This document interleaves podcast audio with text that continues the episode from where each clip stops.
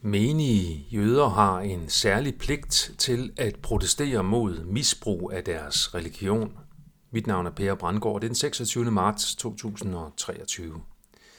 Det er ikke menige jøders skyld, at magteliten fortsat misbruger deres religion og lidelseshistorie. Til fredsdemonstrationen i København i går blev jeg kontaktet af en kvinde, der præsenterede sig som jøde og som udtrykte bekymring for nogle af de ting, jeg her på siden har skrevet om sionisme. Hun understregede over for mig, at det altså ikke er alle jøder, der er sionister.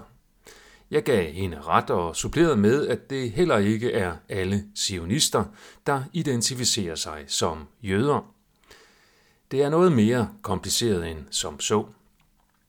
Jeg forsikrede hende om, at jeg ville være den første til at stille mig op og beskytte menige jøder mod nazilignende forfølgelse. Det er dog samtidig min mening, at netop de menige jøder har en særlig forpligtelse til tydeligt at sige fra over for det magtmisbrug af deres religion og historie, der fortsat bliver udført af centrale dele af den globale magtelite.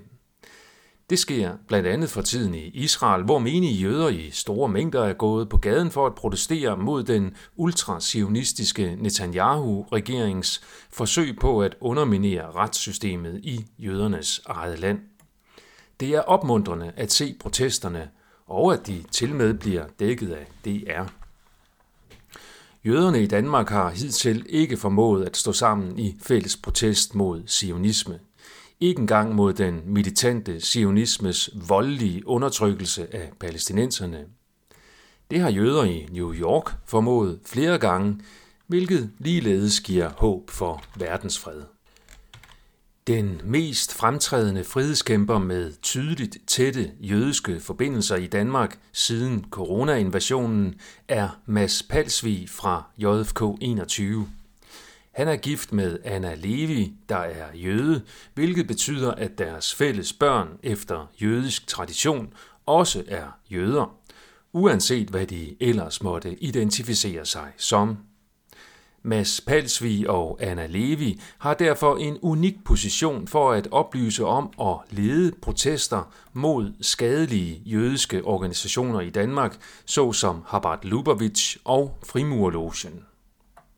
Jeg er blevet tippet om, at Mads Palsvig her på det sidste er blevet mere tydeligt kritisk over for sionisterne, så måske er der stadigvæk håb også fra den front.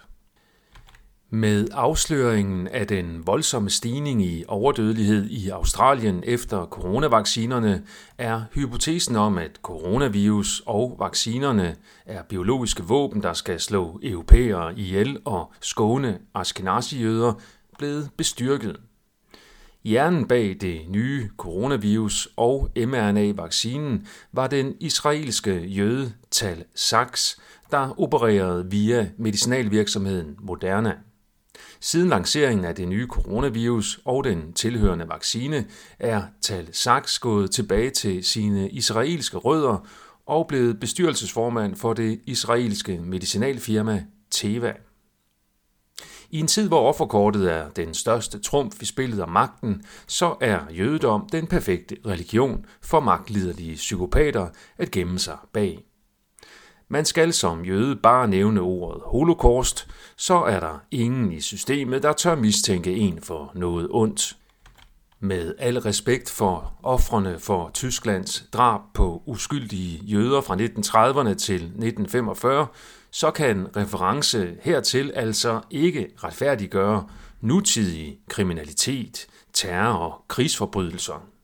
Det kan heller ikke retfærdiggøre, at man udvikler et designervirus og en tilhørende designervaccine, der via propaganda skaber grundlaget for det igangværende frivillige folkemord mod etniske europæere.